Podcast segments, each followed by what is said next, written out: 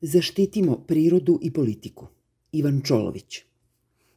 Organizatori i učesnici ekološkog ustanka protestnog skupa boraca za zaštitu životne sredine, koji je 10. aprila održan u Beogradu, u jednoj stvari su saglasni sa svojim kritičarima iz vrha vlasti. I jedni i drugi misle da pitanje životne sredine nije političko pitanje. Vlast je optužila ustanike da su tu temu politizovali. Nemojte to da radite. Ne politizujte pitanje ekologije, poručila im je predsednica vlade Ana Brnabić. TV Pink 11.4.21. Pitanje životne sredine napisala je na Instagramu ministarka Zorana Mihajlović. Pitanje je svakog čoveka u Srbiji i generacijsko pitanje i nikom ne donosi dobro ako se to pitanje koristi u političke svrhe. To je kao kad se koristi u političke svrhe tema kao što je nasilje nad ženama i decom ili pitanja Kosova, da biste dobili političke poene. To su potpuno neosnovane optužbe, uzvratili su ustanici i naglasili da se oni bave životnim problemima, a ne politikom. Mesta za politiku u ekološkom ustanku nema, a neće ga nikad ni biti, jer ona ljude deli, rekao je jedan od organizatora protestnog skupa Aleksandar Jovanović Ćuta. Nema politike u našem radu. Prenesite ovu poruku svojim šefovima. Tako je ministarki Mihajlović odgovorila jedna od ekoloških aktivistkinja, glumica Bojana Novaković. Dakle, odbojnost prema politici zajednička je i političarima na vlasti i građanima zabrinutim za životnu sredinu u Srbiji. I jedni i drugi misle da o najvažnijim problemima društva, kakav je i problem zaštite prirode, ne treba i ne može da odlučuje politika. Na taj način obe strane obeshrabruju svakog ko bi po ugledu na zelene stranke u Evropi pokušao da jednu takvu osnuje u Srbiji. Obeshrabruje ga i novinar politike Boško Jakšić, koji je svoj članak o ekološkom ustanku završio rečima. Dosta politike, želimo čistu prirodu. Lepo rečeno, želim ja čistu prirodu.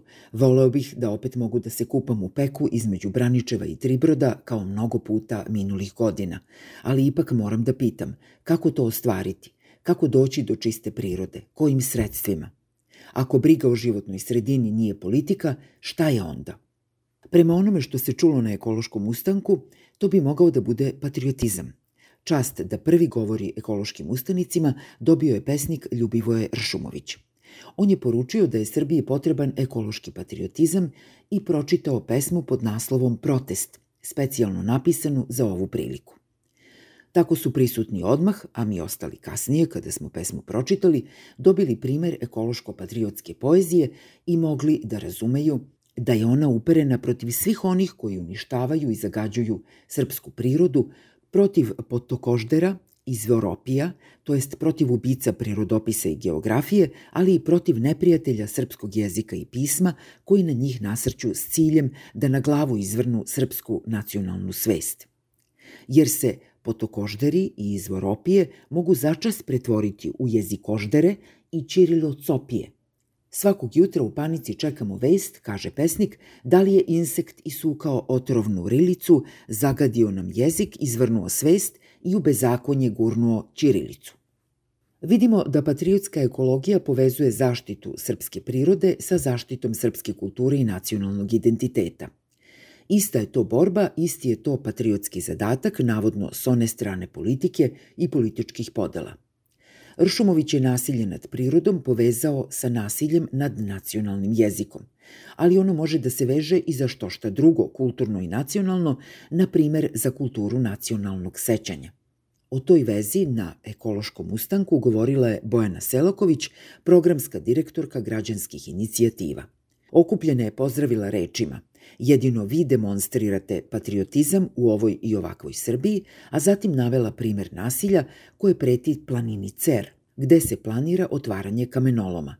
Time se naglasila i ona, ne ugrožava samo živi svet na ovoj planini, nego i jedno od najvažnijih mesta srpske nacionalne memorije, poprište čuvene cerske bitke – Iznela je podatak da istraživanja lokacije budućeg kamenoloma počinju baš na području koje je bilo prva linija fronta u prvim danima Cerske bitke, na zemlji u kojoj je kosti ostavilo nekoliko hiljada branilaca Cera, a još više austrijskih vojnika.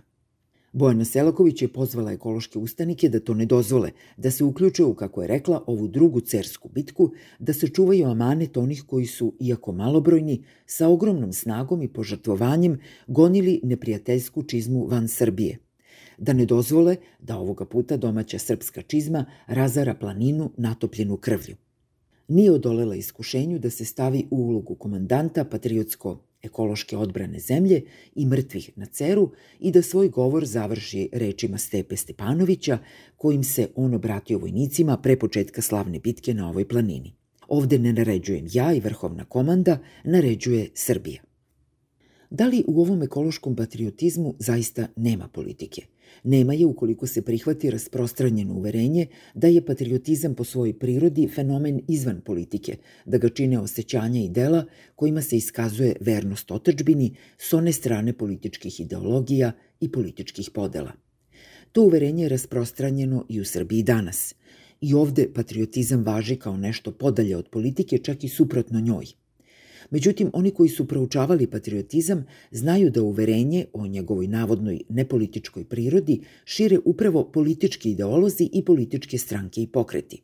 Pozivanje na patriotsko jedinstvo oduvek služi autoritarnim politikama da svoje partikularne interese predstave kao plemenitu brigu za narod i naciju s onu stranu banalne političke i stranačke borbe. Tome služi i patriotska ekologija, briga o životnoj sredini izmeštena u neki navodno nepolitički prostor rodoljublja. Pre nego što se Rašumović dosetio da se založi za ekološki patriotizam u Srbiji, to je u Francuskoj učinila Marine Le Pen, šefica jedne od najvećih postfašističkih stranaka u savremenoj Evropi. Njena stranka je 2014. godine osnovala grupu Nova ekologija koja je osmislila program delovanja stranke u ovoj oblasti – a programu su dali naslov za patriotsku ekologiju. Na ekološkom ustanku u Beogradu istaknuta je još jedna društvena vrednost koju bi trebalo staviti u službu zaštite životne sredine – građanska solidarnost. I ona je ponuđena kao motiv koji okuplja i pokreće ljude nezavisno od politike, ako ne i protiv nje. Shvatili smo da samo zajedno možemo i da je ključna reč solidarnost, rekla je profesorka Biološkog fakulteta Biljana Stojković. Nasuprot ekoloških patriota koji zaštitu prirode povezuju sa zaštitom nacionalne kulture i identiteta, profesorka Stojković je to povezala sa zaštitom ljudskih prava.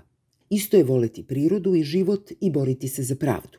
U oba slučaja neophodna je građanska solidarnost – Ona je zaštitila, podsjetila okupljene profesorka Stojković i Aleksandra Obradovića, Mariju Lukić, Milana Jovanovića, ostalo nam je da se pobrinemo za pravdu Stanike Gligorijević, porodice Milivojević, čiji je sin nastradao u Lučanima, za mnoge uzbunjivače koji nam otvaraju oči. Solidarni građani su jedina brana pred samovoljom političara koji uništavaju prirodu i gaze ljudska prava. Bićemo ovde, poručila ustanicima ova profesorka, da naučimo ljude koji su se predozirali vlašću šta se sme, a šta ne sme.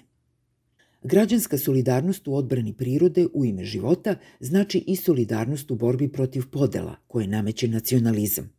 O tome na ovom ekološkom skupu govorila Leila Kusturica, aktivistkinja koalicije za zaštitu rijeka i Sarajeva. Mi smo ovdje s vama jer dijelimo iste probleme. Mi se borimo za dostojanstvo običnog čoveka. Ne dajte da nas dijele. Ako postoji ikakva podjela, ona je između nas koji se borimo za zdrav život i njih kojima je profit iznad svega, rekla je Kusturica. Da li je ova ekološka solidarnost građana društveni angažman bez politike? Opet je odgovor ne. Kao i ekološki patriotizam, i građanska solidarnost u odbrani prirode je utemeljena u političkoj ideologiji. Neko će se sa mnom složiti i reći tako je, nažalost. Ali ja mislim da tu nema mesta za žaljenje. Za žaljenje je kad nemate izbora, a ovde ga ima, kao što ga ima u svakoj politici.